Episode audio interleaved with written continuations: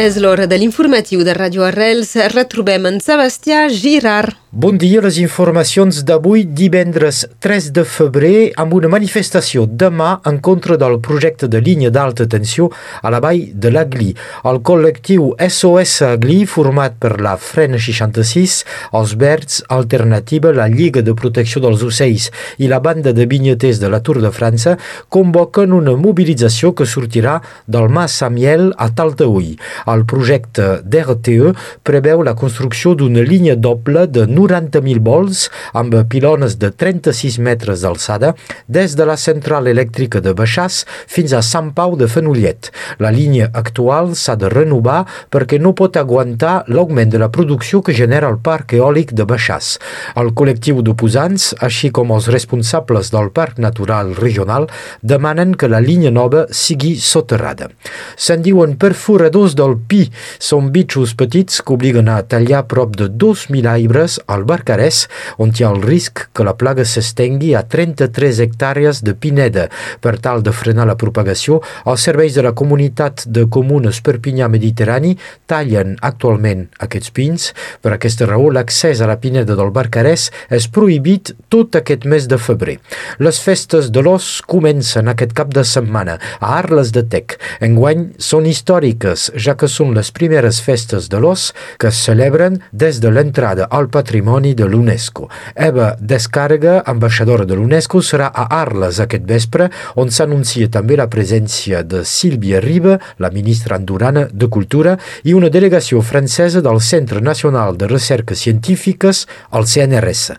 Dissabte a Arles, festa de l'os petit a les dues i mitja de la tarda i el diumenge la festa comença de bon matí amb l'esmorzar dels caçaires, sardanes amb la principal del Rosselló i ben segur l'os que hauria de sortir cap a les 3 de la tarda. A l'Alt Empordà, la muralla medieval del convent de Sant Domènec de Castelló d'Empúries ha estat digitalitzada en tres dimensions. És el resultat de la campanya d'excavacions que va permetre establir les successives fases de construcció d'aquesta fortificació i amb totes les dades obtingudes s'ha pogut realitzar i obtenir finalment un model en tres dimensions.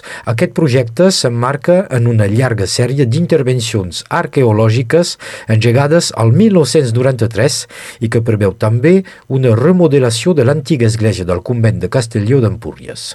Sempre al sud, el Principat de Catalunya va rebre 14,8 milions de turistes al 2022, un resultat una mica per sota dels anys prepandèmics. Segons les dades publicades per l'Institut Nacional d'Estadística, el gruix més important de turistes procedia de França, un 23,1% del total.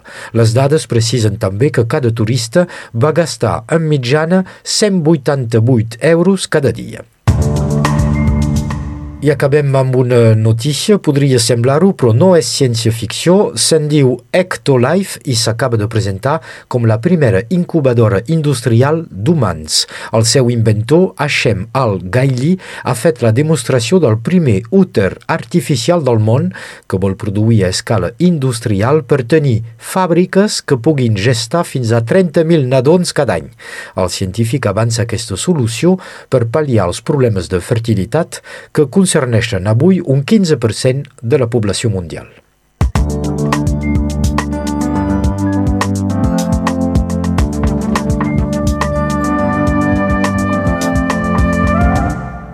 Gràcies, Sebastià. Fins aquí les notícies. Completem l'informatiu d'aquest divendres amb la previsió del temps i amb la Meritxell Cristòfol.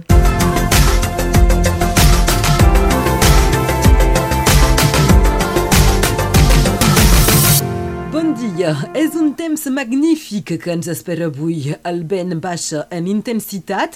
Aquesta tarda la tramuntana hauria de bufar com a màxim a 30 km per hora a la plana del Rosselló. El sol ens acompanya avui i fa pujar les temperatures. 16 graus a Perpinyà i a Clarà, 15 a Canet, al Boló i a Corbera, la Cabana, 13 a Vilafranca, 14 a Colliure i a Montboló, 10 a Estavar i 5 graus a Riutort.